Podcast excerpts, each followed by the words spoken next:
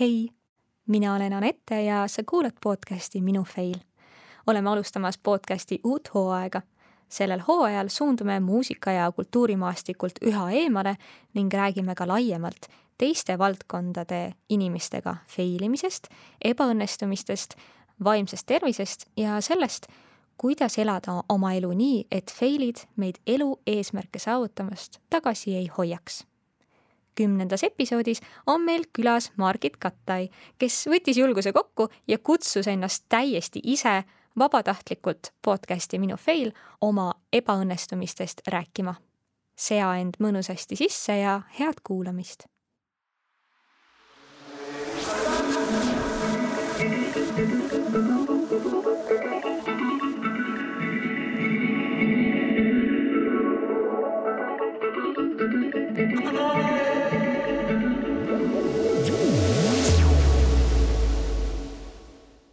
meil on täna stuudios Margit Kattai, kes on kutsunud ennast ise saatesse.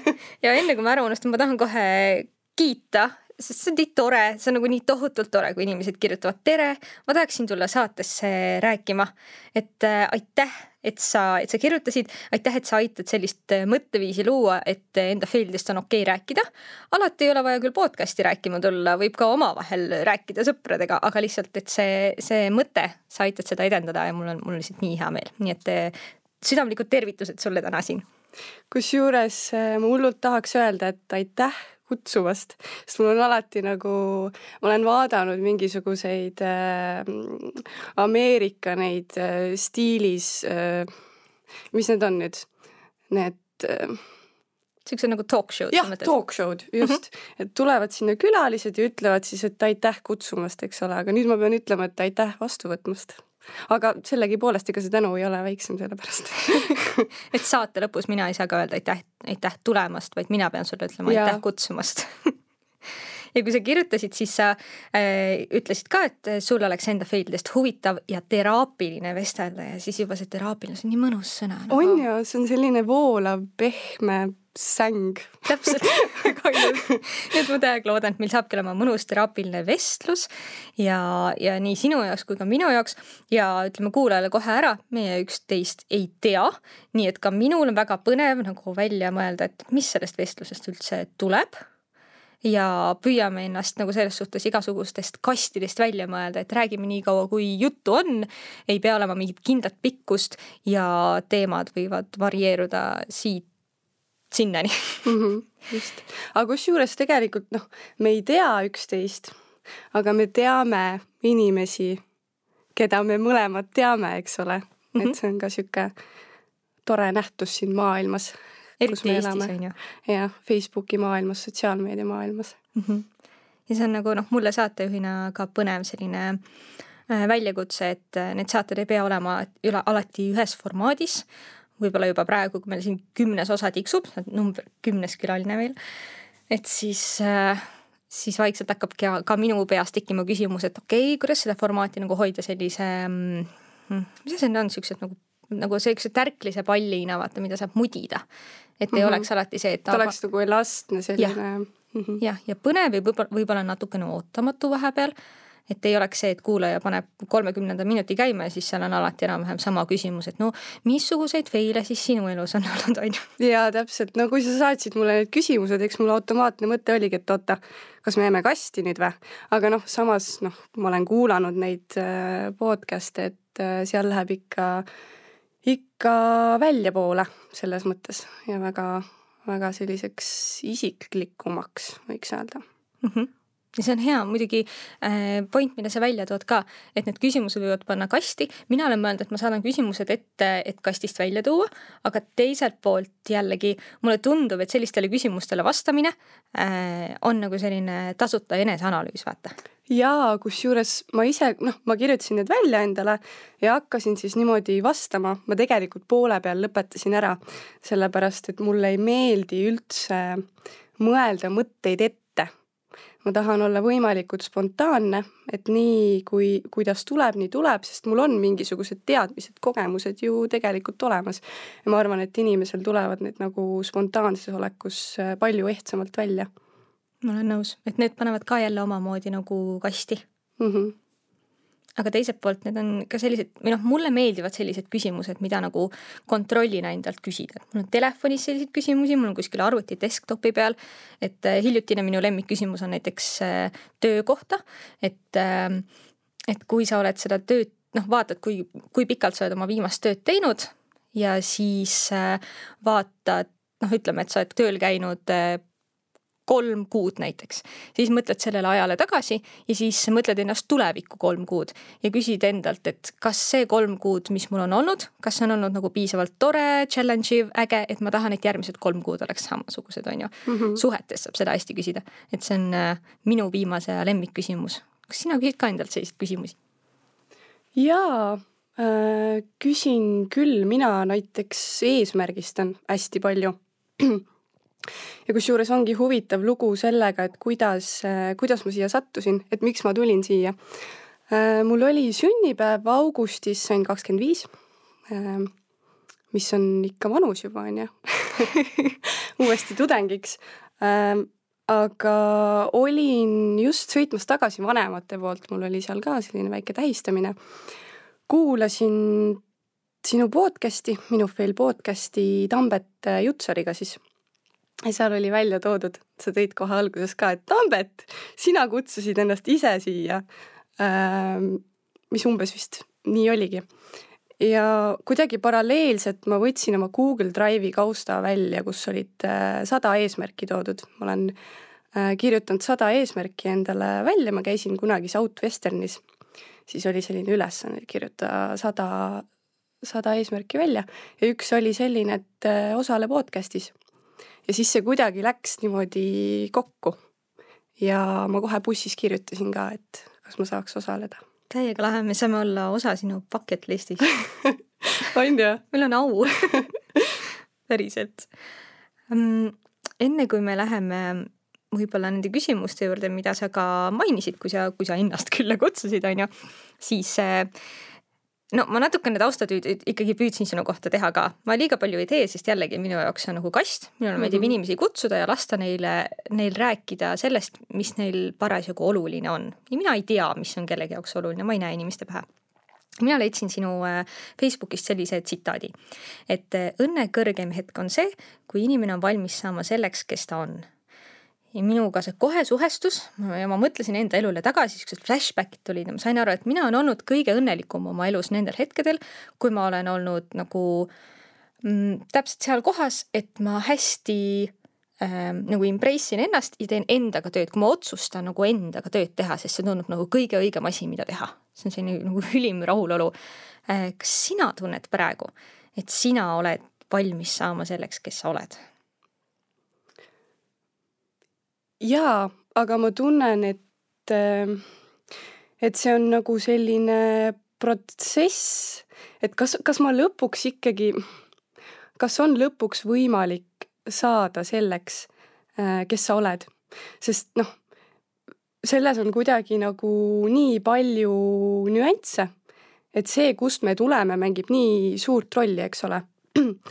ja kui sa minu jaoks on õnne kõrgem hetk isegi võib-olla juba see, et et ma oskan kuidagi tagasi vaadata ja mõtestada mingisuguseid olukordi, mis on pannud mind nüüd sel hetkel käituma nii, nagu ma seda teen, eks ole.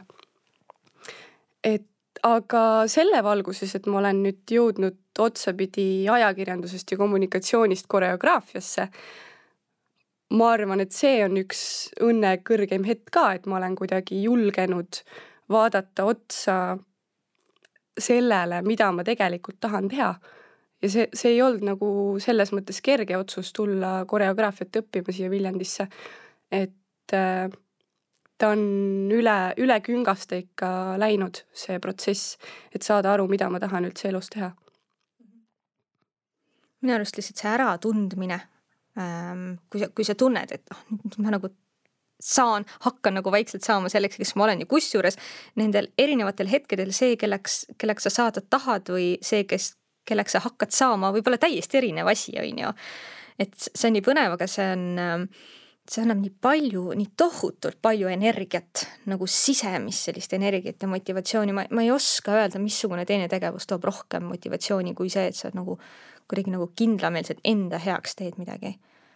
Ma ei, isegi, ma ei oska ühegi mingisuguse õpiülesande või, või mingi, ma ei tea ma ei oska isegi ühtegi paralleeli tuua, see on nagu tõesti ülim tunne. tegelikult noh, eks ta ole nendes õpiülesannetes ka sees, et äh, see on ka protsess selles mõttes. sa võtad aega, et, et pingutada selle resultaadi nimel, sa tükeldad need ülesanded, on ju, iga, igasse kohta saab lisada seda nii-öelda äh, dopamiini mm. -hmm. et äh, et selles mõttes, et elu ongi üks protsess protsesside sees võiks öelda. aga lähme siis võib-olla konkreetsemaks. sina lõpetasid aasta tagasi siis Tartu Ülikoolis ajakirjanduse ja kommunikatsiooni eriala, eks ju? just, kaks tuhat kakskümmend lõpetasin jah mm. -hmm. bakalaureuse? bakalaureuse mm. -hmm. ja nüüd septembrist siis äh, oled siin Tart-, vabandust, oled Viljandis Kultuuriakadeemias ja koreograafia suunal siis, eks ju? just ähm,. kuidas siis nii juhtus?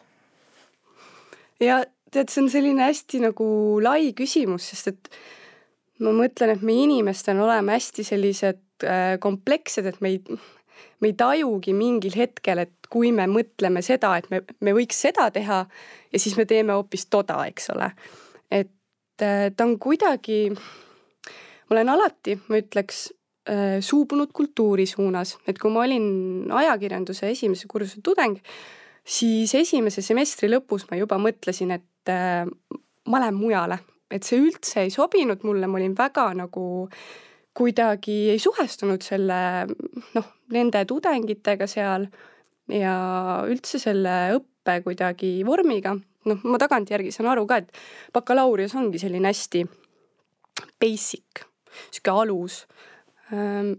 aga siis ma mõtlesin jah, et ma tahaks hullult minna kirjandust õppima ähm,.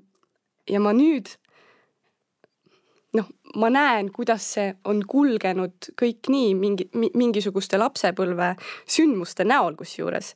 et äh, mu ema ütles mulle kohe, et noh, et come on, et äh, sa just läksid, eks ole, et äh, tee see asi lõpuni ja vaata, mis saab. aga minu jaoks tegelikult ei ole nii, et tee see asi lõpuni ja vaata, mis saab, on ju.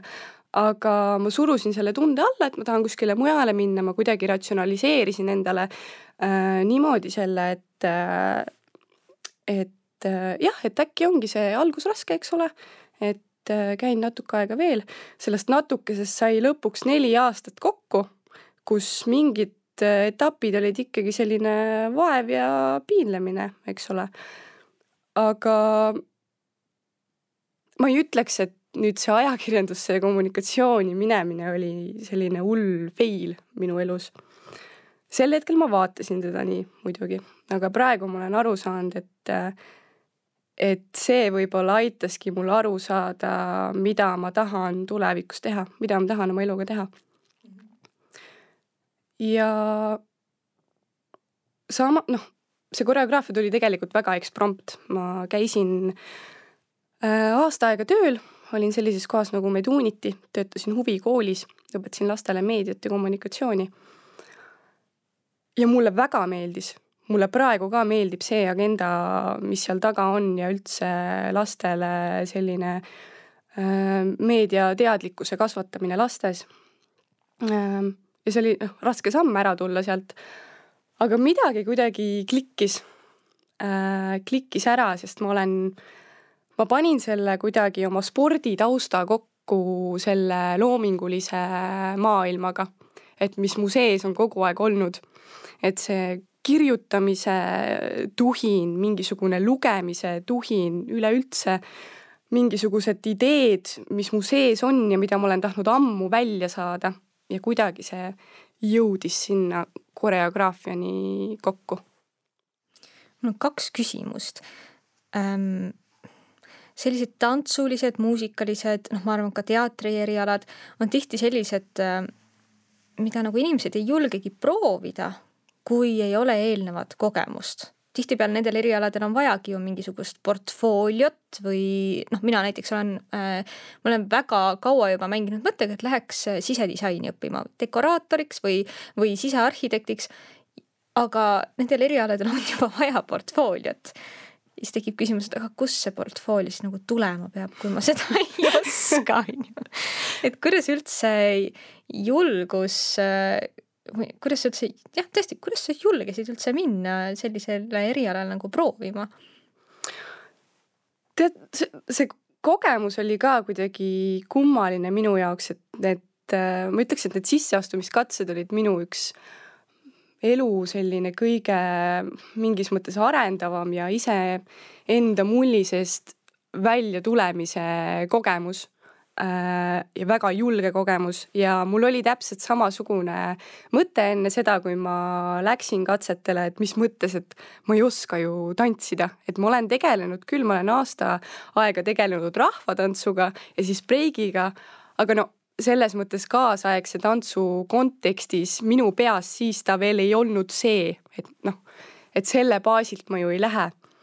aga siis ma hakkasin seda õppekava uurima ja ja, ja üleüldse seda, et, et äh, mis see tants üldse on siis või, või, või keda me ootame koreograafiks selles mõttes, et kore, kas koreograaf on see, kes äh, koreografiseerib siis tantsu või, või liikumist või mida, mida ta teeb seal.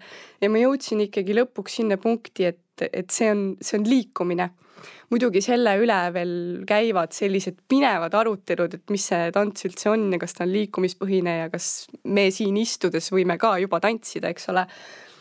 Aga ma ei jäänud sinna kinni, et see, see video, mis ma alguses saatsin, me pidime saatma videod ka, sellised äh, koreografiseeritud videod.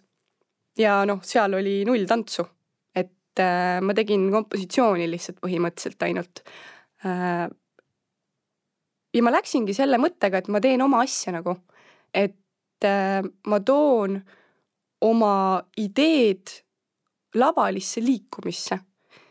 Ja seal võib olla sõna, seal võib olla performance'it, mida iganes, eks ole. et äh, me oleme nagu niivõrd palju kuidagi nihkunud nendest stampidest, et mis on teater, mis on tants, on ju äh, erinevad äh, aspektid kultuurivaldkondades, et äh, ma ei olnud sellest kinni, sel hetkel, kui ma läksin, ma ei olnud sellest kinni. ja praegu ka ei ole. seda on nii tervendav kuulda, et äh, selline impulss ära tunti ja et, et sa said, et sind ei tõstetud kõrvale, sest vähemalt muusikas ma võin küll kindlalt öelda, et et mõnes Eesti õppeasutuses, kui sa tahad ajada oma rida, siis see on justkui juba halb, et noh, et ma ei tea, kas, kas sellepärast, et, et siis sa oled juba liiga valmis või, või ma isegi ei tea, aga et sind pannakse juba mingil määral, heidetakse sellepärast kõrvale, et sa justkui tead, mida sa tahad. Et äh, väga, väga tervendav kuulata, missuguse, missugune on see vastuvõtuprotsess, mis toob mullist välja, mida teile tehti? mida teiega tehti? tead, me olime sunnitud olema mullist väljas äh, päris sõna-sõnalt Äh, sest meil käisid need neli päeva, need katsed. Meil oli essee kirjutamisest kuni oma lavastuse tegemiseni see kõik välja, et me pidime tegema omaloomingut, mis oli kolm kuni viis minutit, me ei tohtinud kasutada visuaale, muusikat, mitte midagi, lihtsalt mina laval, mida ma teen. aga seal taga pidi olema mõte, mis on minu jaoks ka hullult oluline, et, et ma tulin siia äh, ma tulin siia mõttega ja ma tahan lavale tuua mõtet ka äh,. ja siis me jah, kirjutasime essee äh, sellise tantsu, tantsufilmi põhjal siis ja siis tegime lõpuks oma lavastuse, kus me juba kasutasime tantsuõpetajaid ja näitlejaid, kes siis ka olid katsetel meiega koos. et see oli, see oli selline väga väga kastist välja, välja surumise protsess ja sellest pidigi hästi rahulikuks jääma. ma tulen siia, ma teen oma asja, ma ei mõtle üle, et äh, ma pean kellelegi muljet avaldama, sest see ei tööta, seda nähakse kohe. Ja, ja see ongi tegelikult suur põhjus, miks äh, võib-olla mõned jäävad välja, nad liiga palju pingutavad, et, et näida äh, kuidagi suuremana välja. Küll aga ma kujutan ette, et see õhkkond pidi olema toetav. jaa, väga toetav kusjuures, et see oli eriline pluss, et ma kohe õppejõududelt äh, tudengitelt, kes olid eelnevalt õppinud, eks ole, seal tundsin sellist äh, mõnusat äh, hõngu ja, ja, ja just innustavat hõngu. et, et see oli hästi positiivne ja muidugi meil grupi sees ka nüüd me oleme etenduskunstide nii-öelda kursus kõik koos, tantsuõpetajad, koreograafid, näitlejad ja lavastajad. et, et see kuidagi kohe klappis meil see dünaamika ka ja ja saime seal üksteise õlal nutta, naerda ja katsetada ülilahe, see on nii tähtis. minu arust see on hästi äh,, ma ütleks lausa paradoksaalne, et kui sa pead minema kuhugi katsetele, kus sind hinnatakse, sa peaksid tooma endast justkui selle kõige parema ja kõige haavatavama ja kõige õilsama osa välja, aga, aga kui keegi hakkab seda hindama, see on minu arust see paneb see on kohutav tunne. Ta, ta tegelikult, ta panebki kasti, eks ole, see on põhimõtteliselt stiilis, et äh, nii, me oleme klassiruumis, meil on juba eos mingisugused äh, vormid antud, eks ole, meil on seinad ees äh,, me ei ole lageda taeva all ja siis öeldakse veel, et lase vabaks, ole ja. sina ise noh, et mis sellest siis välja peaks tulema, et noh, näitleja oskuslikkusega sa, sa ilmselt tuledki sellest välja, on ju. aga see ei ole ikkagi see mm. -hmm. vot noh, selline Eesti otsib superstaarilikku, et paneme sulle kaamerad ja, ja kohtunikud ja, näkku, vaata. ja noh, muidugi jah, selles suhtes see eraldab nagu terad sõkaldest, et kui sa tahad artistiks saada, siis sul peabki olema nii-öelda lavanärv. aga teiselt poolt, see on ju ka arendatav ja kui sa jätad juba pooled inimesed kõrvale, kellel see, kellel on võib-olla anne, tahe, mõte, aga veel ei ole seda närvi, siis äh, jällegi see on mingisugune kast, millesse me, noh, me, me lõikame nagu ära arenguvõimaluse sellega mm. -hmm. et noh, sina ei ole võimeline ja võib-olla ongi mõistlik äh, ennast sellistest äh, siltidest päästa ja mitte panna ennast sellistesse olukordadesse, kus keegi väljaspoolt võib, võib sulle öelda, et äh, et see, mida sa teed, on äh, vale. ma kujutan ette, et selline tempel jääb ikkagi nagu sisse küll, kui keegi tähtis ja suur on sulle nagu öelnud kogu Eesti rahva ees, et sina ei kõlba küll kuhugi. jaa, loomulikult ma ise nagu, ma olen tundnud seda võib-olla nooremas eas rohkem, et kui tuleb mingisugune silt või kriitikahoop äh,. eriti, kui see ei ole konstruktiivne kriitika. no siis see silt ikka jääb mm. -hmm. no nooremale minale eriti tegelikult. et sa ei oska seda kuidagi lahti mõtestada, et, et kust see tulnud on, võib-olla inimesel on olnud lihtsalt paha päev, eks ole äh,. aga ja nende siltide loopimine on äärmiselt minu meelest selline ohtlik minek, et, et äh, kui sildi juba lood, siis äh, too mingisugune lahendus või, või või juhtnöör, kuidas, kuidas paremini teha.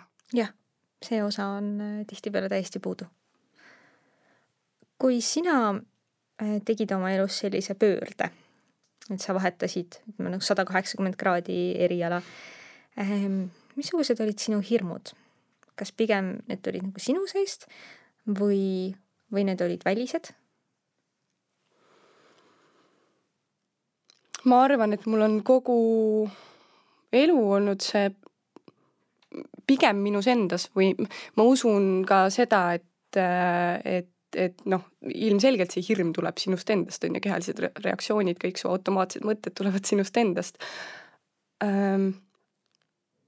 ma arvan, et see oli jah, pigem minust endast, ma olin noh, sel hetkel ma praegu kakskümmend viis, eks ole, ma ikkagi tean ja olen ja, ja, ja, ja teen ise, et äh, ma niivõrd palju ei kuula enam kõrvalt äh, olijaid, ma kuulan siis, kui mulle öeldakse konstruktiivselt midagi. ma ei kuula siis, kui on lihtsalt silt. et ma kohe, ma saan enda peas aru, et äh, see ei vii mind mitte kuhugi, et kui ma kuulan seda silti. Äh, ja võib-olla see ei olnudki oluline sõnum siis üldse, kui sa juba formuleerid selle niimoodi, et, et sa peaksid nii tegema või nii tegema et ju siis ta ei olegi oluline. aga jah, pigem, pigem on hirm alati olnud äh,, olnud minus, minus endas, et kuidas, kuidas teha paremini ja, ja üldse see ebaõnnestumise mingisugune kontekst on, on mu elus kuidagi hästi valdav olnud. et äh, juba eos kuidagi, kui sa kuskile lähed, siis siis selle asemel, et mõelda, et see on katse, et nüüd ma võin äh, öelda siin ja praegu, et ma mõtlen ebaõnnestumisest kui katsetamisest. ma väga teadlikult ei, üldse ei annagi endale kuidagi võimu mõelda ebaõnnestumisest, et ma mõtlen, et äh, see on katse, et ma lähen sisseastumiskatsele, ma ei lähe sisseastumise ebaõnnestumisele või sisseastumise õnnestumisele, eks ole. et, äh, et elu ongi nagu pidev katsetus ja ka katsetus olla sellest hirmust üle selles mõttes. mida ütlesid sulle sõbrad või tuttavad või äh,? see oli ka hästi selline kummaline, kummaline jutuajamine, et väga paljud olid sellises, sellises olukorras, et mis asja, et ma ei, ma ei teadnudki, et sa tantsid. noh, see tuleb muidugi sellest, et koreograafiat me oleme mõistnud, et noh, et see on tantsu koreografiseerimine, aga aga noh, siis ma seletasin neile, et on ikkagi ja no arenenud valdkond ja, ja meil need suunad nagu muutuvad. aga üks, üks sõbranna, parim sõbranna sai muidugi aru, et ma olen eluaeg selline kunstihingeline inimene olnud, et äh, inimene, kes, kes tahab oma loomingulisi ideid väljendada ja, ja ta sai aru, et, et nüüd järelikult oligi see hetk nagu seda teha. aga väga palju tuli tõesti, et mu ema oli ka väga üllatunud, aga ta oli õnnelik, mis on minu jaoks ka, oli hästi selline üllatav kusjuures. ma mäletan, ma ei öelnud talle, et ma lähen, võtsin ainult oma õele, et ma lähen katsetele. õde, kes on ka tantsukunsti kusjuures lõpetanud, et siis ta oli nagu veidi teistsuguse programmiga anti seda tantsukunsti. ma olin katsetel ja siis ma ütlesin, et kuule, et ma olen siin katsetel. Ja siis ta oli nii, ta oli nii üllatunud selle üle, et, et sina ja koreograafiat peas ikkagi mõlkumas see, et äh, koreograafia on tants. aga kusjuures seda oligi ku kuidagi huvitav kuulata, et kui ma tõin selle lavastaja kontseptsiooni sinna sisse, siis kuidagi see mõttemoll muutus tema enda peas ka, et oh, lavastaja ähm,. aga jah, esimest korda elus ma tundsin, et, äh, et mu ema kuidagi elab kaasa sellele protsessile. et äh, ja see oli, see oli väga hea tunne. see on nii tähtis, see, kuidas lähedased reageerivad. on ju? see võib panna täiega, see, see, see võib ka sellise templi mällu jätta, kui keegi mm -hmm. reageerib nii-öelda siis nagu sinu jaoks valesti või äh, see on, see on hästi tähtis, see on mulle ka hästi tähtis ja minu arust see on nii naljakas. Äh, kui tihti me teeme seda, või vähemalt mina olen seda väga tihti teinud, et kui ma ei ole päris kindel, et ma õnnestun, siis ma ei räägi teistele igasuguste katsetega, käimistega, mingid koolidesse sissesaamised, asjad niimoodi, et palju lihtsam on öelda, et aa jaa, ma andsin sinna paberid sisse, et ma lähen nüüd sinna, versus see, et jah, kolme päeva pärast lähen katsetele ja ma tegelikult kardan mm. -hmm. mul oli täpselt seesama mõte, et ma ei ma ei tahtnud seda välja tuua, et ma lähen, sest mul oli ikkagi selles mõttes oli mul see hirm sees, et äh, selle tantsu koha pealt. Ma oskasin endale kuidagi ratsionaliseerida, et noh, see ei põhine tantsul, aga noh, kuna ta on põhinenud varasemalt nii palju tantsul, siis äh, tekkis see hirm küll, et ma ei saa, aga mul on alati see pool, et kui ma lähen, siis ma juba visualiseerin, et ma saan sisse, et sellel ei, mitte kuidagi ei saa see teistmoodi minna, kui et ma saan sinna sisse. ja noh, nii ta läks ka, aga, aga see automaatne protsess küll käis nii, et ma ei, ma ei ütle enne, kui ma sisse ei saa. ja kui ma saan, noh, siis on ju hästi, kõik teavad, et ma sain sisse see on on siuke väike ellujäämismehhanism ja samas yeah. seal on mingi, minu jaoks on seal mingisugune ebausu nüanss ka juures, et kunagi kuidagi, kui ma ütlen, et ma lähen, siis äkki ma sõnun ära selle, et ma mm -hmm. saan sisse, siis äkki ma ei saa yeah.. ja pärast on eriti nõme öelda, et ei, ma ei saanud.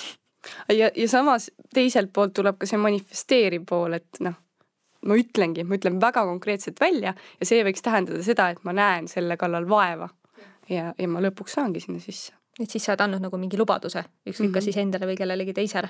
just mm. -hmm. aga sellist suunamuutust, kas sa ise nagu äh, tõlgendaksid julgustükina oh, tegin sellise asja, kahekümne viie aastaselt lähen uuesti ülikooli. jaa, loomulikult. ma arvan, et see nõudis julgust ja juba see, et ma olen seal koos üheksateist, kahe, kahekümne aastastega, eks ole, mul on hoopis teistsugune eluetapp selles mõttes, on kakskümmend viis, mul on tegelikult ülikooli iga selles mõttes ühiskondlike standardite järgi justkui lõppenud, on ju ja nemad tulevad sinna protsessi alustades seda mingisugust FOMO perioodi, ma ütleks lausa. aga mul on see FOMO periood läbi, et mina lähen väga teadlikult tegema asju ja ma olen selle sees. ma olen võtnud selle vastutuse, et olla siin sees ja ma keskendun rohkem sellele, kui, kuivõrd mingisugusele äh, sotsiaalsele elule, muidugi see on ka hästi tähtis ja Viljandis eriti siin on ja et äh, minu sotsiaalne ruum, mul ei ole see ainult kool, mul on romaan ka äh,. aga, aga ma olen väga nagu orienteeritud äh, sellele tulemusele äh,. Ja, ja siit Eestist väljapoole ka tegelikult. et ma juba mõtlen mingisuguseid asju ette ja, ja aga just, et jah, see on suur samm minu jaoks see on ka põnev, et tegelikult äh, see, kellega koos sa õpid ja missugune klapp teil on, see on väga, see on väga suur osa sellest, kuidas mingisugustest äh, rasketest olukordadest võib-olla läbi tulla, võib-olla mitte praegu esimesel kursusel, võib-olla kolmandal, võib-olla, võib-olla vahepeal. et mingil hetkel ikka ju läheb nagu raskeks, mingil hetkel on vaja teiste tuge. meil inimestel on vaja seda nagu samastumist, ahah, sul on raske, mul on ka raske, teeme midagi koos et, äh, et kui sa juba tunned, et see on olemas, siis see on väga hästi. mina olen küll ühe kooli pooleli jätnud, ma arvan lihtsalt sellepärast, et, et keegi ei takistanud mind, ma ei pidanud kellelegi nagu ütlemagi. väga lihtne oli lihtsalt nagu minna. Et äh, see on asi, millele mõelda. noh, samas noh, et kui, kui ka ei ole kokkuhoidvat kursust, kas see on põhjus, miks pooleli jätta, noh, seda ka vist mitte. ja see ongi, ta, ta on nagu psühholoogiliselt ikka hästi keeruline, et kui sul ei ole seda tuge inimestena, meil on ju Maslow selline vajaduste tabel on ju, et meil on vaja tunnustust ja ja, ja muid, muid vajadusi, et, et need oleks täidetud, et ja nagu sa välja tõid ka eelnevalt, et see toetus on äärmiselt oluline ja innustus ja tunnustus elus, et kuidas sa muidu läbi lööd, ega sa üksi selles mõttes väga kaugele ei jõua kiiresti jõuad, aga kaugele ei jõua võib-olla. kui nüüd rääkida nendest sõpradest ja tuttavatest ja perekonnast, me nagu natukene puudutasime juba seda teemat, kui tihti sinul on äh, oma elus mingisuguseid valikuid tehes tunne, et sa pead ennast, äh, ennast või enda valikuid kuidagi teistele põhjendama? jaa, on küll, aga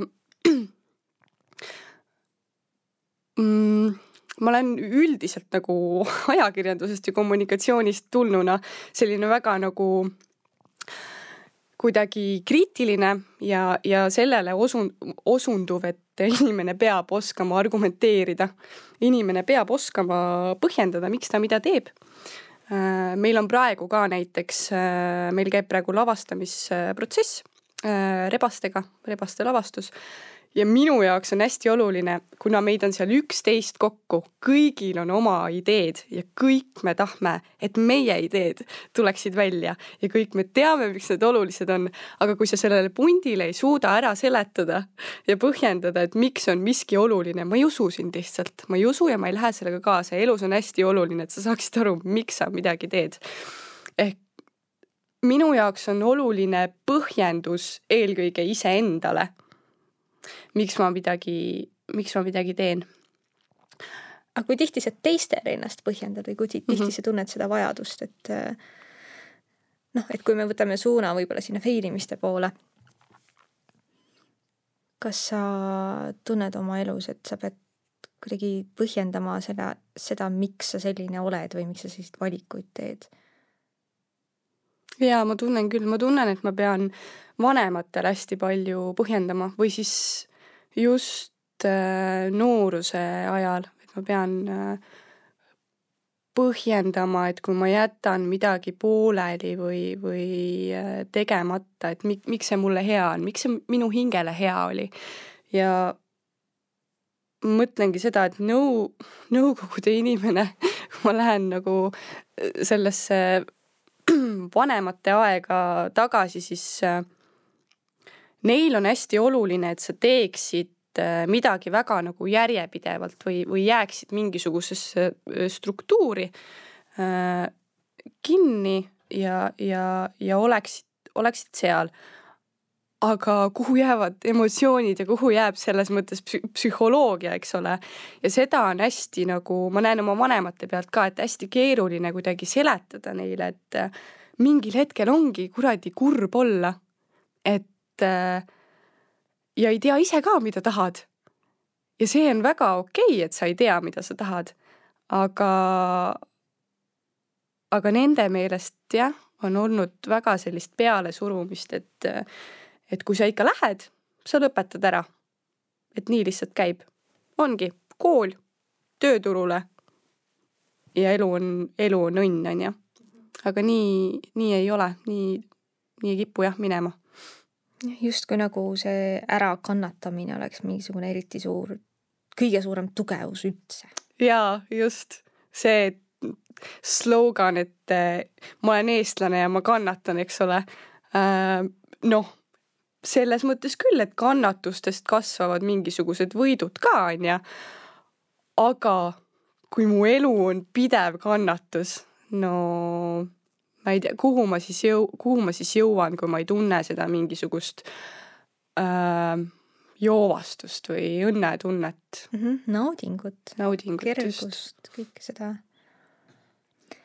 räägime failidest ka kui sa vaatad oma pika või lühikese elu juurde või elu, elule tagasi, äh, missugune võis olla esimene ebaõnnestumine, mida sa praegu mäletad?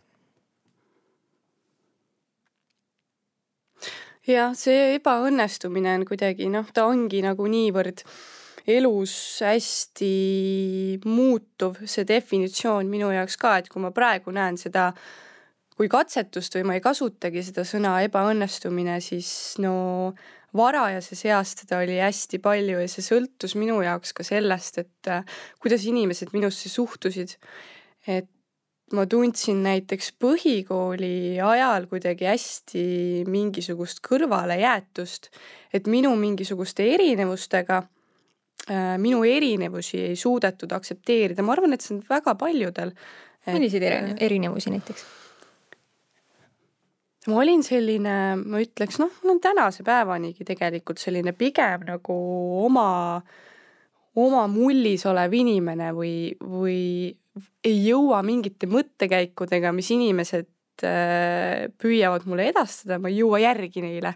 et mul on mingi oma mõte kohe ja ma lendan sellega sisse, on ju, et muidugi noh, tänasel päeval ma oskan sotsiaalsete normidega kuidagi äh, infiltreeruda sinna sisse, on ju aga, aga jah, põhikooli ajal oli hästi palju, palju seda, et äh, ma olin väga-väga kuidagi individualistlik ja, ja õpetajad ei osanud ka kuidagi nagu sinna protsessi mind äh, kaasata ja ma ise ka ei osanud selles mõttes. mis see küsimus oli? Küsimus oligi täpselt see, millest sa jälle räägid. niisuguseid fail'e või fail'e sa mäletad oma mm -hmm. elust mingeid esimesi, minu arust see on nii tähtis, et praegu täiskasvanuna neid jällegi nagu nooruse ja fail'e ise analüüsides ma näen, et need ei olegi olnud fail'id, vaid need on lihtsalt olnud enda nagu õigus või õiglustunde järgimine ja ma nagu praegu tunnen isegi uhkust nende üle tubli, Anette, et sa ei läinud nende asjadega kaasa, mis sulle siis tundusid nii katastroofiliselt nagu valed või, või õudsed. sa tegid lihtsalt oma asja mm. -hmm. et ähm, oskad sa tuua mingisuguseid konkreetseid näiteid? või see kõrvalejäetus sinu jaoks oli nagu selline fail, et ei saanud nagu teistega ühes kambas olla või oli seal mingi peer pressure või no muidugi seal oli, come on oli küll ja peer pressure'it on, on meil kõigil tänase päevani. aga võib-olla mõeldes sellele, et kes ma äh, ma, ma olen tahtnud olla väga sotsiaalne, et noh, kui tuuagi sellest läht-, lähtuvalt, et, et ma ei olnud väga sotsiaalne, olin selline pigem iseennast isoleeriv ja oma mõtetega olev laps, siis see võttis mul hästi kaua aega, et et ma panin väga teadlikult ennast olukordadesse, kus ma saaksin äh, kuidagi tekitada mingist, mingisugust kollektiivsust, et ma olen osa mingisugusest grupist. Ja põhikooli aeg just ma käisingi, seda tuli muidugi vanemates klassides, aga läksin noortevolikogusse siis olin seal esimees ja, ja, ja nii edasi ja nii edasi, et osalesin väga palju sellistes äh, kogukondlikes protsessides, et äh, olin isegi lõpuks haridus haridus, kuidas öelda, valdkonna komisjonis meie vallas. Ja ma olin üsna noor siis, et rääkida nendel teemadel siis kaasa, aga, aga see oli raske minu jaoks, väga raske, et noh, kui me mõtlemegi selle peale, et meil on väga palju inimesi, noh, eriti praegusel ajal, et kes ei tule mingisuguse ähm, sotsiaalsete õhkkondadega toime, et neil ongi sotsiaalne ärevus, et see oli väga reaalne minu jaoks sel hetkel. et ma ei julgenudki kuskile minna ja ma ei julgenudki oma mõtteid ja tundeid äh, kuidagi avaldada, eks ole. et äh, noh, ja siis peabki lihtsalt tegema, et siis ma läksingi kohe niimoodi väga teadlikult selle, sellele hirmule vastu ja tänaseks olen ma õnnestunud, ma olen kakskümmend viis ja ma olen õnnestunud vot. et sa nagu surusid ennast ikkagi sellest mugavustsoonist nagu välja või sellest noh, hirmutsoonist võib-olla isegi on ju. ja, ja ma ise surusin ja see ongi tegelikult kõige kuidagi, me ei mõtle selle peale, aga see on kõige tänuväärsem tunne, et kui sa oled, sa tead, mida sa tunned, sa tead, et sul on mingisugune suur äh, sotsiaalne ärevus sees või sul on elus mingisugune langus ja sa lähed sellele vastu lihtsalt, see on, see on väga, sa, sa pead endale tänulikkust näitama selle eest. ühesõnaga, seal peab olema nagu paras kogus seda piitsa, aga samas ka seda präänikut, et sa tunnustad ennast selle eest. jaa. kuidas sa seda teinud oled, kuidas sa oled ise endale präänikut andnud? Prä-, prääniku küsimus on ka hästi keeruline minu jaoks, sest ma ei, praegu ma ei, ka praegu ma ei oska seda endale anda, et ma, ma olen väga, ma olen psühholoogiahuviline, et äh, mingisugusel perioodil oli ta, oli ta kaks aastat äh, pärast teist kursust ajakirjanduse ja kommunikatsiooni erialal. Ma hakkasin psühholoogiat lugema ja, ja ma olen nagu väga ma ütleks, ma olen üpris teadlik, mis minu kui inimese sees toimub. ja, ja ma püüan väga teadlikult anda endale seda präänikut. ja präänik võib teinekord minu jaoks olla ka minek lõunale, sellepärast et ma, ma ise inimesena, kui ma olen mingisuguse, kui ma võtangi selle protsessi, näiteks lavastamise protsessi, meil tuleb nüüd äh, suurem äh, lavastus äh,. me kõik teeme individuaalselt lavastuse, koreograafid ja lavastajad. kui ma olen protsessis sees, kus ma mõtlen selle peale, et mida, mida ma teen, kuidas ma sean, kuidas ma valguse sean, kas ma võtan mingisuguse kunstniku ja nii edasi ma unustan süüa, ma unustan juua, ma unustan kõik, kõige tegemise ära, mis on täiesti nagu baasfüsioloogiline mhm, vajadus. Maslow kõige alumine. jaa, täpselt. et see on, see on nagu nii kummaline, aga väga oluline ongi selle juures see, et sa mingisuguse distsipliini säilitad, et mul on peegli peal isegi olemas kirjas, et mis asjad on fikseeritud. magamine, söömine, lugemine, et noh, need asjad on minu jaoks, äh, peavad olema hästi fikseeritud, siis saavad äh, teised asjad sinna sisse langeda mm. -hmm. aga lähme korra fail imiste juurde, ma ei teagi siis edasi või tagasi Äh, missugused on olnud need ebaõnnestumised, fail'id, mida sa oled kuidagi kandnud endaga kaasas, mis on olnud õpetlikud, kuidagi tähtsad fail'id sinu elus mm? -hmm. Uh, no kindlasti see uh, ajakirjanduse ja kommunikatsiooni periood, et minu jaoks oligi tegelikult kõige suurem fail see, et ma ei võtnud seda vastutust ja ei läinud ära lihtsalt. ma jätangi selle sinna ma kasvõi võtan vaba aasta ja mõtlen enda jaoks läbi, et kuhu ma edasi tahan suunduda. et see on mul hästi pikalt käinud kaasas, sest mu õde ma olen alati kuidagi vaadanud talle niimoodi alt üles, minu kaksikõde siis, mitte nüüd vanem õde, et äh, ta on lä elus läbivalt muidugi noh, ta sisemuses võib-olla toimub midagi muud, eks ole. Aga nii palju, kui ta välja annab, siis ta on alati olnud selline mind ei huvita tüüp. et äh, mind ei huvita, mis teised arvavad, ma teen seda. Ja tema läks ka, ta läks EKA-sse õppima äh, maalikunsti. Ja siis tuli poole aasta pärast ära, sest talle ei sobinud see, talle ei sobinud äh, ülikooli struktuur, ta peab tegema seda, seda, seda. Ja see on okei. Okay.. kõigile ei sobigi. et äh, võta see julgus ja tule ära.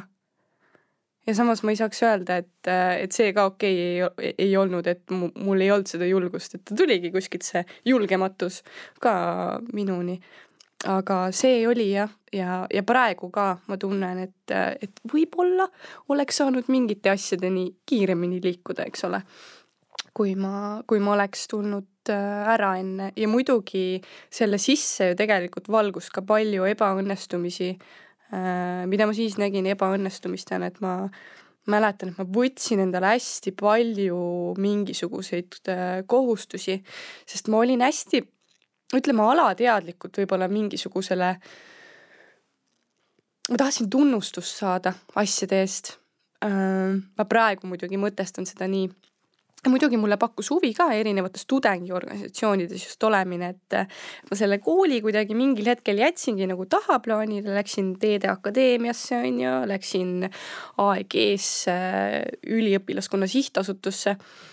Hästi palju oli seda teistmoodi tegemist ja ma muidugi nende kõrvalt õppisin ka, aga kuna ta langes kokku selle kooliga, siis mul oli lõpuks lihtsalt kuhi ees ja, ja ta oligi hästi selline kuidagi intensiivne eneseotsimise periood.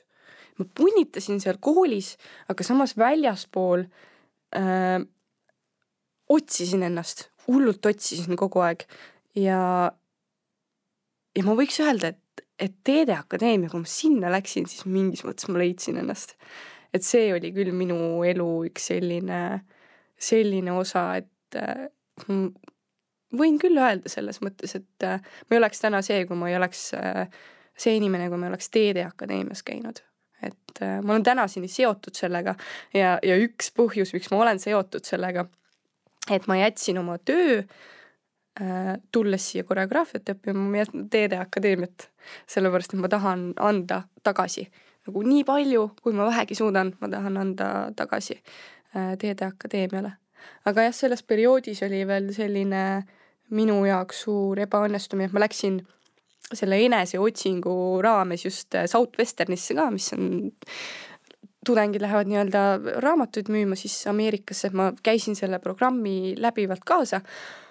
Aga siis mingil hetkel kogu see kupatus tekitas mulle sellise ploki ette, et mul tekkisid juba mitte ainult mingisugused vaimsed ähm,, vaimsed probleemid, vaid ka füüsilised, kõhuvalud, kõik see läks kuidagi, arenes edasi. ja siis minu jaoks oli hull ebaõnnestumine see, et ma ei läinudki sinna, ma ei saanudki minna sinna lõpuks et kõik piletid olid ära ostetud, vanemad toetasid ja ma lõpuks ei läinudki sinna, et ma ei võtnud. ja mi-, minu jaoks oli see see, et ma saan ikka ju, come on, ma saan, mu kõht valutas ja, ja selles mõttes noh, see kõhuvalu ei olnud selline, et no mu kõht valutab, et ta ikkagi oli väga selline intensiivne, kestis kuu aega. ja aga mina mõtlesin sel hetkel, et come on, võta kokku ennast, et mine, mine tee ära, sa võtsid selle vastutuse, et, et sa lähed. aga samas keha ütleb, et sa ei suuda. Ja siis tekibki see suur konflikt oma, oma vaimu sees ja see oli hästi nagu raske periood minu jaoks. vot. see on hämmastav, kuidas meie kehad kõnelevad meiega ja ütlevad, et noh, sisuliselt ütlevadki, tee seda, ära tee seda, et Just minu üks suur eesmärk on küll kaardistada seda, mida ma tunnen, mida mu keha mulle ütleb. mul on, nii tihti mõtlen, kui, kui kahju mul on et kui, kui paljusid märke ma veel ei oska lugeda, väga paljusid märke oskan, see samamoodi sihuke ärevus ja kõhuvalu on mulle nagu väga tuttav asi. Ja see, see vahepeal tuleb isegi võib-olla äh, mingisuguse ähm, koleda ilmaga, näiteks kui õues on vastik sügisene rõske, siis on ka nagu see koopa inimene meis äh, annab märku, et kuule ei, ära mine, sa sured ära palun mine. aru, et kui sa ikkagi lähed, sellepärast me oleme kahekümne esimesel sajandil ja, ja ma saan autos panna soojenduse sisse, siis läheb kõhuvalu et see on naljakas, aga see lihtsalt on niimoodi mm. -hmm. ja, ja siiamaani on, et äh, jumalast tubli, et sa ei läinud sinna ju ja nüüd ma vaatan nagu tagasi ka ja ma, ja ma ütlen endale ka, et tubli ja see oligi vajalik, et ma ei läinud sinna sel hetkel, sest kui ma oleks kolm kuud olnud sellises keskkonnas, nagu ta on, on ju, teinud päevast päeva tööd lihtsalt, võib-olla ma oleks tundnud rohkem, et ma olen ebaõnnestunud, kui ma oleks selle pooleli jätnud üldse ja, ja kõik mingisugused aspektid tulevad sinna vahele, et äh, aga samas ma võtan sellest palju kaasa väga palju kaasa, et see, see materjal, mis ma sealt sain, mingisugune, ka mitte ainult mingisugune ole positiivne mentaliteet, et tõuse üles ja ütle, et sa oled ilus, andekas ja tore inimene. Äh, ta läks ka väga psühholoogiliseks, ta läks uskumuste tasandile äh, sellest, kuidas meie uskumustest saavad meie tunded, mõtted, emotsioonid on ju, ja käitumine lõpuks. et äh, ta oli väga õpetlik periood et ma võtan palju kaasa sellest. Kui kaua võttis sellisest nii-öelda fail'ist ülesaamine sul aega? mis Kõige... hetkel sa hakkasid nagu teistpidi vaatama seda? no ta, ta võttis ka kaua aega selles mõttes, et mul oli ju see periood ka, kus ma äh,, see ei olnud lihtsalt niimoodi, et ma äh,, mul oligi see see lennukist mahajäämise kogemus ainult üheks päevaks, et noh, ei läinud siis. ta oli ikka, ma arvan, et ta oli mingi äh, pool aastat, kui ma olingi väga sellises, mis ma üldse oma eluga ette võtan ja see ei tulnud ka ainult sellest, et ma nüüd ei läinud äh, Southwesternisse raamatuid müüma. ta oli, ta oli nii kompleksne minu jaoks, see oligi see teema, et ma tulin ajakirjandusse ja kommunikatsiooni, ma ei taha siin olla, mu vanemad ütlevad, et ma pean siin olema, aga ma ei taha ja ma ise ei julge ära tulla. et see kõik kuidagi voolas kokku hästi, ma ei, ma ei teadnud, mida teha enam või, või kust saada seda mingisugust, jah, kust saada seda jõudu või, või kust mingisugust tuge või abi küsida. et see oli hästi raske periood ja aga siis mingil hetkel oligi, ma läksin tegelikult teraapiasse. Ja see oli ka selline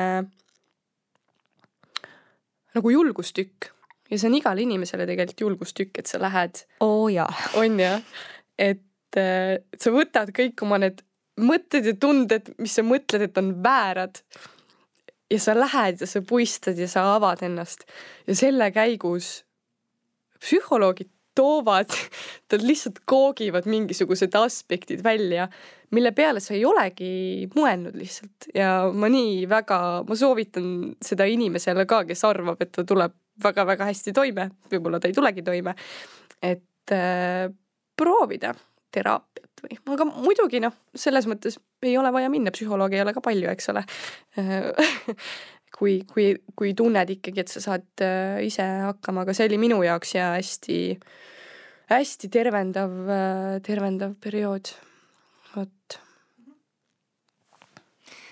Jah, mitte et nagu tasuta propagandat teha ka raha eest, aga, aga lihtsalt see on nagu noh, ma nii tahaks, et me jõuaksime sinna, kus teraapiasse minek on normaalne asi lihtsalt sellepärast, et äh, kui sa tahad ennast, ennast tundma õppida, sa võid ennast väga-väga hästi juba tunda.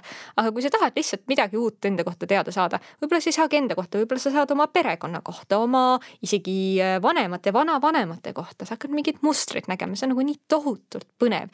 peaks olema nagu mingi selline kohustuslik osa igale inimesele. et see, see ei pea olema nagu mingisugune suur probleem, mis sind sinna viib, lihtsalt nagu võta kätte ja katseta korra, kui ei sobi, siis on ka okei okay jaa, just, aga see on ka see, mis meie ühiskonnas on mingis mõttes valesti.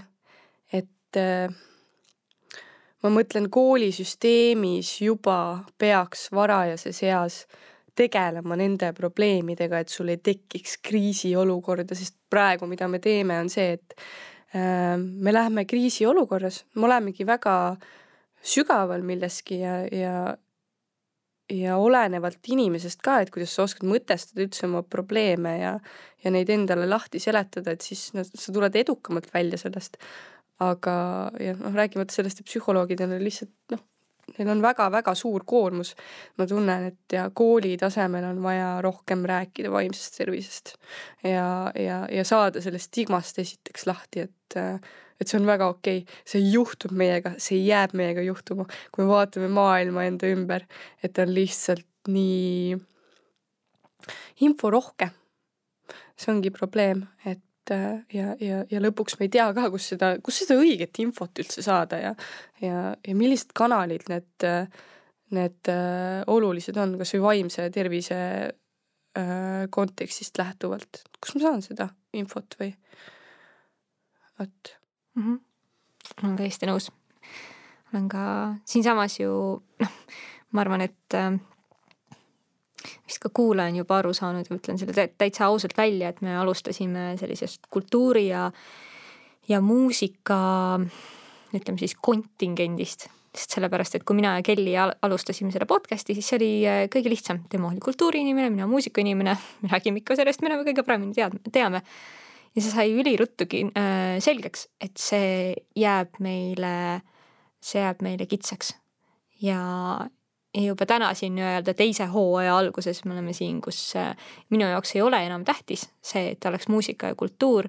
kindlasti tuleb muusika ja kultuuri inimesi, on juba, on juba ka salvestusi kokku lepi-, lepitud, aga et sellest, selles suhtes tuleb välja kasvada, et, et ikka rohkem sinna vaimse tervise mm, -hmm. rohkem sinna tasakaalu poole, rohkem sinnapoole, et äh, ei ole vahet, mis elu erialal sa oled Äh, kui raske või kerge on sellel, sellel fail ida, siis äh, lõppude lõpuks meil, meie kõigi sisekõned kipuvad olema kuidagi väga ühesugused.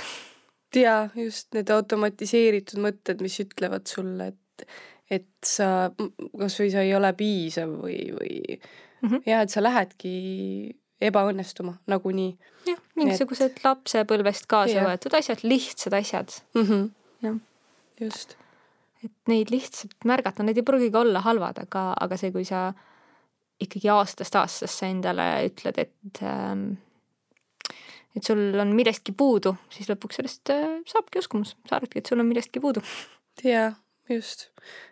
jah, see lapsepõlve teema kuidagi on minu jaoks ka hästi oluline, et, et mitte, et ma ähm, ma ei ole teraapias käinud ainult sellepärast, et ma lähen sinna kõnelema, et minu jaoks on oluline ka see, et ma ise teeksin konstantselt äh, tööd selle nimel, et ma saaksin aru, nendest mõtetest ja nendest automaatsetest, just automaatsetest mõtetest, mis minu sees on ja kuidas neid äh, ümber keerata positiivseks.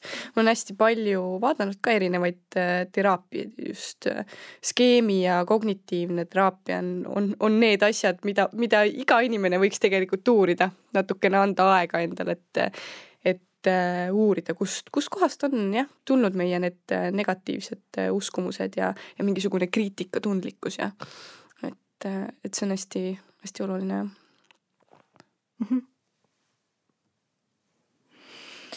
mul on nii hea meel kuidagi tunda seda, et sa tuled just siia teisele poole lauda istuma ja nagu avad ennast mul on nii palju äratundmisi, mul nagu väga lahe.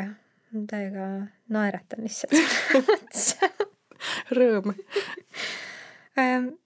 missugused on need sellised äh, väiksed igapäevased fail'id, mida sa praegu teed ja, ja võib-olla ähm, millele sa naerad, mida sa endale pahaks ei pane, mida varem võib-olla panid?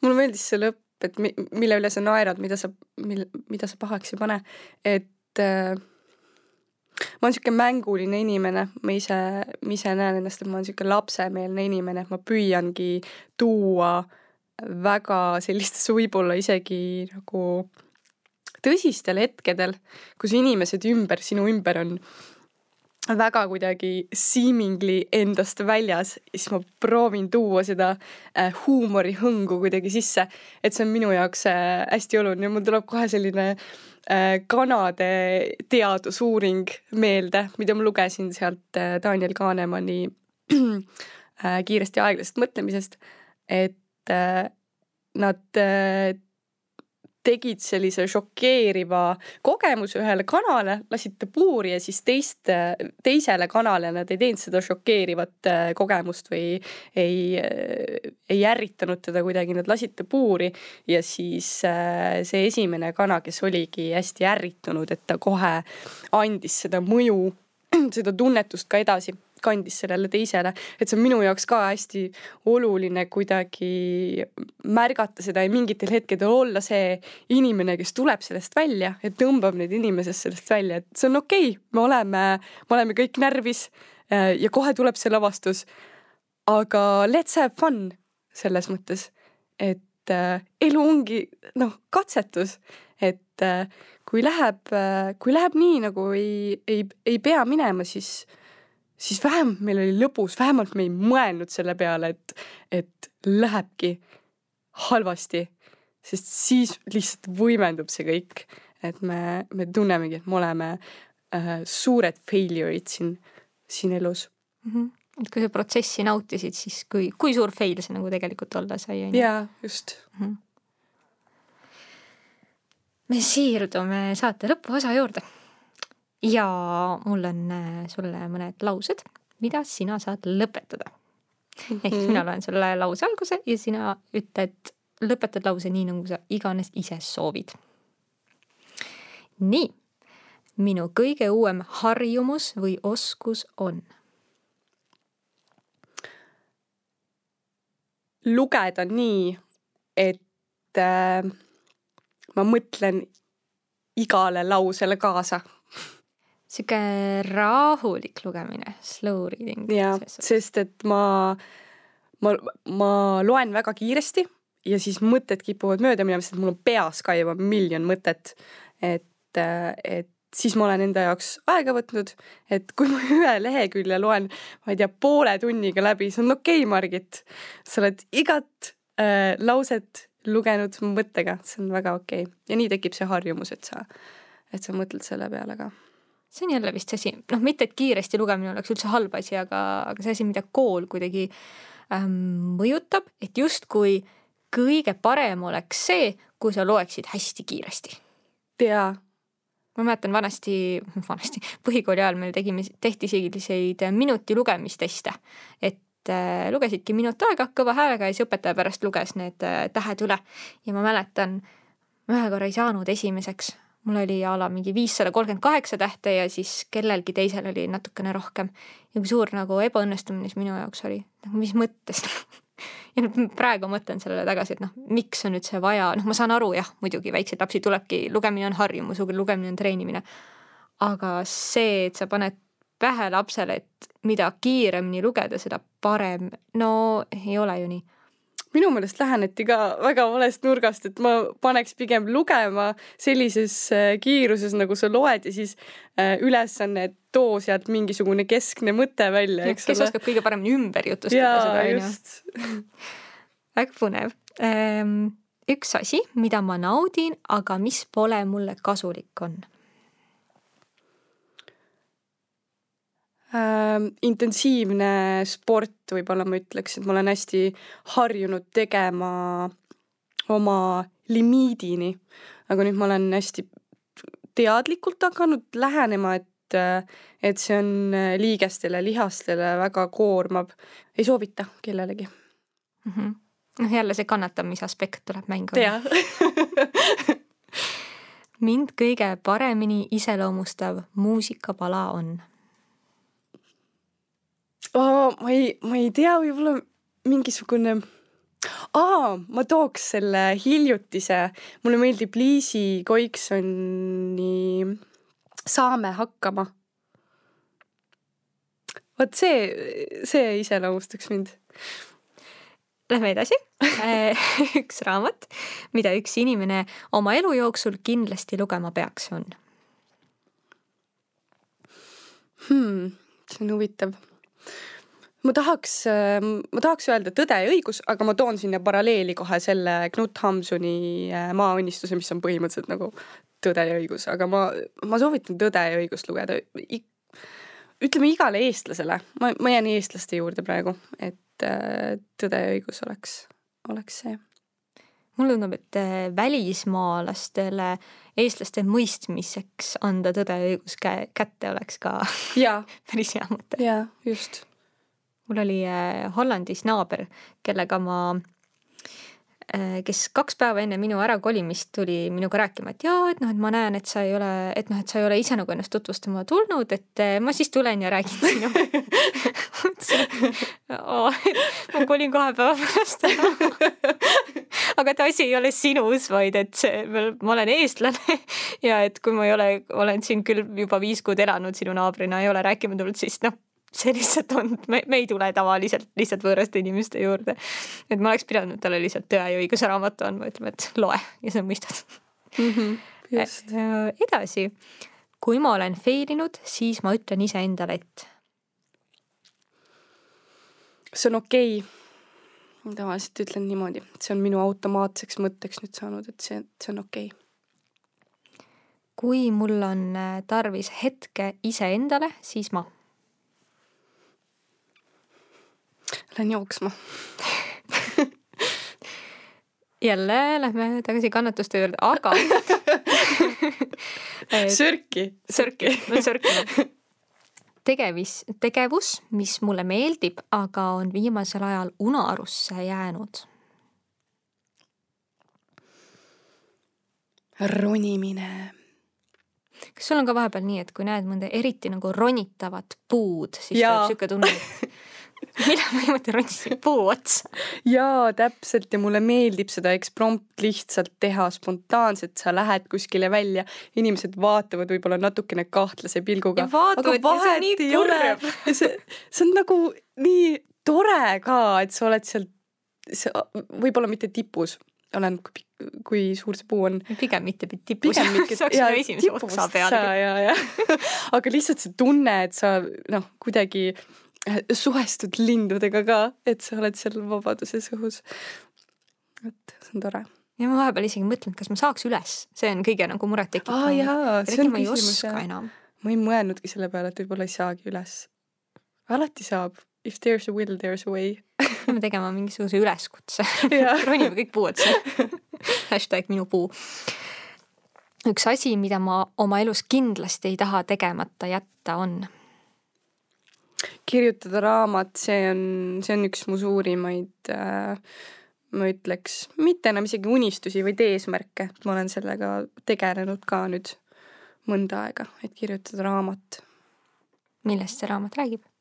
ta oleks äh, noorte, noorteromaan selles mõttes. Äh, baseeruks ikkagi, ma olen, ma olen noor inimene, et ma tun-, ma tunnen, et, et heaks kirjanikuks saada, et sa pead olema ikkagi äh, näinud, kogenud äh,, oskad erinevaid äh, kontekste luua minevikust, tulevikust, tulevikust. et äh, praegu ma kirjutakski väga selliselt äh, oma kogemusel baseeruvalt, aga noh, teisi nüansse tooks sisse mm. -hmm no kirjutamine on ju, on ju sihuke ala, et mida rohkem kirjutad, seda paremaks lähed selles on ju. minu arust häid äh, noorteromaane on Eestisse vaja. nii et äh, kirjuta. kusjuures, aga neid, äh, neid ikka tuleb, selles mm -hmm. mõttes neid tuleb äh, tuleb, tuleb praegu rohkem kui ütleme vahepeal. aga ma mõtlen, et kui, kui minu nooruses oli see aeg, kui ma lugesin neid, siis mingisugune periood oli, kus ma lihtsalt absoluutselt ei suhestunud kõige, võib-olla oli nagu liiga tume või mm -hmm. hästi suured draamad või võib-olla ma olin liiga õnnelik tol hetkel, aga ma ei, minu jaoks oli raske neid lugeda. võib-olla praegu peaks, võtaks kätte ja leiaks sealt palju rohkem ainest mm. -hmm. Ähm, kaks lauset veel. asi, mille järgi ma tahan, et mind mäletataks, on? et ma mingites keerulistes olukordades äh, olen suutnud äh, jääda selliseks võib-olla lapselikuks ja rõõmsameelseks. ja viimane. praegu olen ma tänulik. ma olen tänulik, et ma otsustasin kirjutada minu fail podcast'i ja, ja, ja sellele, et ma nüüd olen siin